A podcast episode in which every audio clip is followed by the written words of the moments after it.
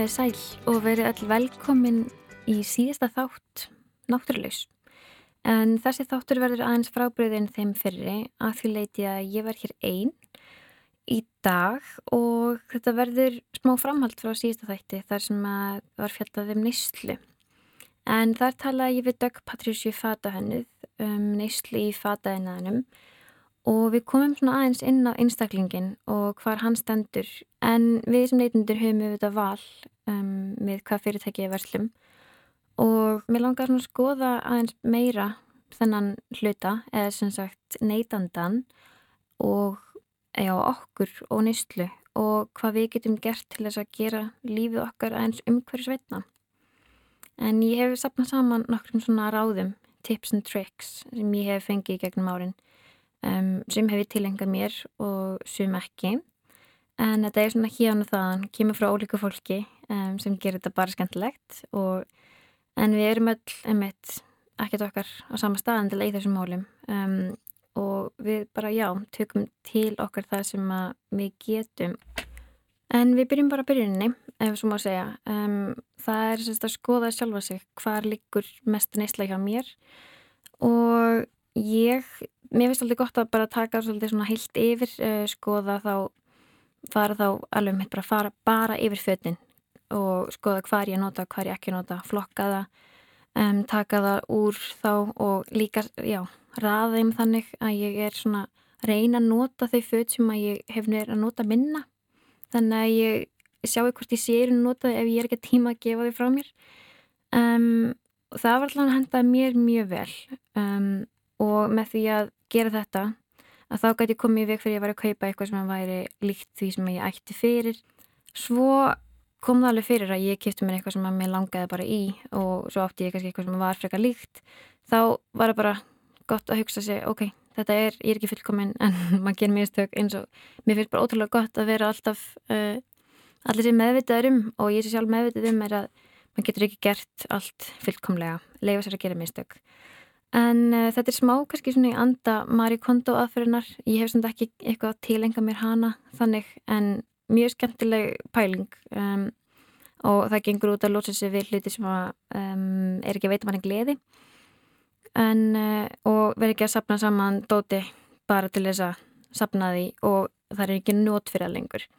Um, mælum með fyrir fórutna að kíkja á þessa aðferð en ég, ég ætla ekki að vera eitthvað að útskýra hana nánar því að ég verð ekki alveg viss hvernig hún gengur fyrir sig. Það er þetta að skoða hún er búin að gefa þetta ykkur bækur og svo er þættir á Netflix. Svo er svona, já, byrjum kannski bara á samgöngum. Um, það er hafður mikið í umræðinu undan farin ár, sérstaklega bara út af borgarlínunni en uh, sem er fyrir vondi að fara að koma og gerir allt þetta strætókerfi betra en strætókerfi hefur með tvengið mikla gagngríni á sig og hérna fyrir að vera ekki nógu góð þjónusta en ég held að uh, tryggir sér kannski að pröfa samt, ég veit ekki, það allavega hendar mörgum betur en já, þau vilja halda. Um, svo er alltaf hægt að nota þetta í bland, nota strætó og engabílinn í bland, uh, veri ekki að skreppa andalust á engabílnum þegar maður geti kannski lappað hjólað eða tekið strætó, nota það frekar í svona lengri ferðir eins og innköpaferðir ef að það er langt í búð eða Já, þú ert að fara í IKEA sem enn býrð þú veist í miðbænum eða annar staðar um, sem er ekki garðabæði hafnafyrir um, að því að þó svo strætón sé ekki fullkominn það þýr ekki að hann sé algjörlega ónótæfur Svo er búið verið búið núna í yfir ár Zipcar, þar sem er þetta að kaupa aðganga svona bíl sem þú leir í eitthvað nákvæðin tíma ef þú átt ekki enga bíl. Og þá getur þú nota hann til þess að fara í bónus eða krónuna eða IKEA og hérna eða eitthvað lengra burti það sem þú þarf, það sem að stræta og hendar ekki. Og svo bara skilur í bílnum að þér og með þessi leið þá líka hægt að losa sér við enga bíl ef hann er nú þegar á heimilinu. Og þá hann einmitt mingar öruglega nótkun á um, bíl og fer meira yfir í stræt og, og göngur og hjól. Algjörlega eitthvað sem ég mæli með að kíkja á ef að þetta er eitthvað sem þið haldið að hendi ykkur. Og svo um þetta þarf ekki að nota bara eitt. Það er alveg hægt að nota þetta bara bland í póka svo eru mörg fyrirtæki með svona verðlunakerfi þar sem að fólki getur unnið sér inn eitthvað skona punta eða fríðindi sem að geta verið þá að fá frítstrætó eða kortiræktina eða annað ef að þau nota umhverfisvæna samgöngulegðir, það er strætó, hjól eða ganga í vinnu. Og mér finnst þetta ótrúlega sniðugt. Og ég hvet fyrirtæki eigundur til þess að taka þetta upp og bara ef að hvetja vinnurstaðin sinn til þess að taka þetta upp. Þannig að að þetta getur verið rúslega góð, góður kvati fyrir fólk að fara hérna pröfa allavega, já, eins og segi pröfa strætó, gefa því smá síðans svo er hérna flugsamgöngur alveg partur út af fyrir sig sem að við megum held ég mörg taka til okkar og að því okkur finnst svo ótrúlega sjálfsagt að fara til útlanda. Og það er þannig sé, okkur finnst það dýrt en það er þannig sé ótrúlega ódýrt. Það að borga 20.000 krónur fyrir ferð til London eða til eh, Fraklands eða hvað hvað það er ekki neitt peningur. Og við þurfum held ég að finna meira fyrir því á verskinu bara hvað við erum þegar við erum að stunda óumhverjusvæn lifnaðahætti ef að það, já, morðað þannig. Um, en hann Sævar Helgi hann vakti aðteglega á því fyrra sumar á Twitter. Semst mikilvægi þess að einstaklingar sjáu um, umhverfis kostnað á hjá sér sem sagt þessi, já. Og að bóði borgum fyrir hann þessa skada sem hann valda. En uh, hann sem sagt talar um kólefninsjöfnuð og þá er stundum hægt að velja bara hvað svona haka við hjá þau pantaði flug haka við að fyrirtæki kólefnisjafni ferðinænar, hann hérna setti tengil inn á reiknivél netinu sem er hægt að, það sem hægt er að reikna kólefnisfótspóra sitt bæði yfir árið eða er eitthvað tímabili eða eitthvað ákvæmna ferð. Og það er hægt sem sagt að gera þetta líka hjá vótlendisjóði að þá sem sagt getur þið bara reiknað út eins og einhverja ferð um, sem þú fórst í. Farið, fangið tölun að farið með þær til vótlendisjóðs og svo binda þau þá kólefni sem að þú losaðir að jafngildir og þú greiði þeim fyrir það. Og þetta er alveg ótrúlega sniðikt og ég mæli með að skoða þetta. Er alls ekki dýrt sagt, þetta er ekkert mikil peningur. Þetta, já, sérstaklega ekki þegar maður hugsa um hvað maður er að borga fyrir. Og það er eitt sem ég hefur hendur alveg mér finnst svona, ég þarf að taka mig sjálf persónulega á er að vera ekki að fara mikið til útlanda. Ég veit alveg, ég gerir það svolítið mikið og það er alveg já, mér finnst alveg sangjant að ég siti í einhverja svona hömlur. Og hviti ykkur til að skoða líka. Að fara kannski einni ferriferð á ári eða fara bara annarkvært ári eða einu sinni til útlanda eða annað. Því að við erum svolítið dögleg að flýja til Sóralanda sem að er bara fullkomlega skiljanlegt vegna þess að við búum á þessari blessu eigi. Mörg fyrirtæki og stopnarnir bjóðum eitt upp á þetta líka að hérna, vinnuferðir getur verið kólefnisjafnaðar og ef ekki þá hveit ég bara þig til þess að skoða þetta hjá þínu fyrirtæki getur vel verið að sé ekki með þessa stefnu og koma því í gegn. Uh, svo líka hægt að skoða bara ef þú ert að fara oft í marga vinnuferðir þarfst að fara í allar þessar vinnuferðir eða er það meiri kannski til gamans er þetta eitthvað sem hægt er að leysa á skæpfundi eða í gegnum tölvuposta eða annað. Þetta er svona, já, við viljum öllur rosalega mikið ferða útlanda en uh, þetta er samt, það er rosalega mikið luxus og ég held að megum alveg greiða kannski aukarlega fyrir það. Ég veit ekki, er ég, þetta er kannski smá fílipúkalegt að tala um þetta svona en já. En svo ef við færum okkur aðeins í daglegnislu þá er það född. Það er eitthvað sem við getum alls ekki verið án. En uh, við dagrættum þetta í síðasta þætti um, og þá snýstum eitt máli ekki um það að við ferum núna öll að vestla við sjálfbæru umhverjusvottuðu, umhverjusvænu fyrirtækin sem nota bara lífrænt ræktaða bómill í fötin sín. Heldur snýst þetta frekar um að við breytum við þorfu okkar, gagvart fötum og nýslinni. Um, fast fashion er óslulega mikið í, já, ámæla markaðin í dag og ég held að næstu því bara, já, allir þessi stórfyrirtæki séu svolítið að stóla á þá svona, það er svona nýstli minnstur hjá okkur. Um, og það er einmitt búið að tella okkur trúum að við þurfum að eiga ótrúlega mikið af fötum, eitthvað sem að við eigum bara að sapna saman, nota í smá stund og svo bara kemur næsta tímabil og þá hendur við hinn út. Einmitt, og þá er kannski svona fyrsta skref í þessu að hugsa um það sem við eigum kaupa minna og nýta það sem til er svona í grunninn En það hefur náttúrulega verið mjög mikil gaggríni á fast fashion og fyrirtækin en þá er einmitt svolítið gaggrínin óvart sett á, á neytandan, á þau sem að, á, er að versla við þessi fyrirtæki. En með því er ábyrgin svolítið tekin af fyrirtækinum og við þurfum að passa að hún sé þar en ekki á þeim sem að eru að versla við þessi svo keðjur vegna þess að oft er bara ekki annað í bóði einfallega af því að hitt er svo dýrt. Mm, en ef við erum að versla við þessi fast fashion fyrirtæki að þá mitt skiptir máli að við séum samt ekki að kaupa allt þetta crap frá þeim að við þurfum alltaf að vera endurinn í allan fatskapun okkar á tveikja manna fresti. Svo við kannski förum inn með það í huga að við ætlum að velja okkur flíkur sem við viljum eiga, okkur vantar og við ætlum að nota og nota fötin til hins ítrasta, nota því alveg og svo kannski bara gefa því áfram þegar þið henda okkur ekki lengur til þeirra sem vilja og eða ég vil selja. Það er alveg kannski svona, já, bara með þessu að þá fá fötin lengri líftíma og meðvitund um neyslu verður sterkari. En ég held sem betur fyrir að enginn sé að henda fötum lengur. Ég allavega, held, já, ég held að það sé alveg búið, eða hvort það hafi eitthvað tíman verið. En, en já, svo er náttúrulega alltaf hægt að fara þetta með, með þetta í Rauðkrósin og hjálpræðisegrin og allar þessar þessi, um, þessar hjálparstofnanir. En eins og Dögg nefndi í síðast þætti að þá getur ég að vel borga sig að býða og sapna fyrir dýrarflíkum sem koma frá þessum umhverfis um, fyrirtækjum sem að eru að nota náttúrulega efni vegna þess að svo flík mun öllum líkindum nýtast lengur og betur heldur en þar sem við erum að kaupa frá fast fashion fyrirtækjunum. Að því leiti að þessar flíkur, þessar dýrari, þær eru búinar til með það í huga að það muni endast. Það er eiga að vera, ég er ekki að segja að gæði og peningur haldist alltaf í hendur en það ger það í einstakar tilfellum að því að þetta er búið til með það í, já, í huga að þetta endist og að sé hægt að laga þetta líka því að sum fött sem eru ódýr er bara varlega hægt að laga því að þau ripna bara í þotti eða skemmast eftir nokkur að daga nótkunn.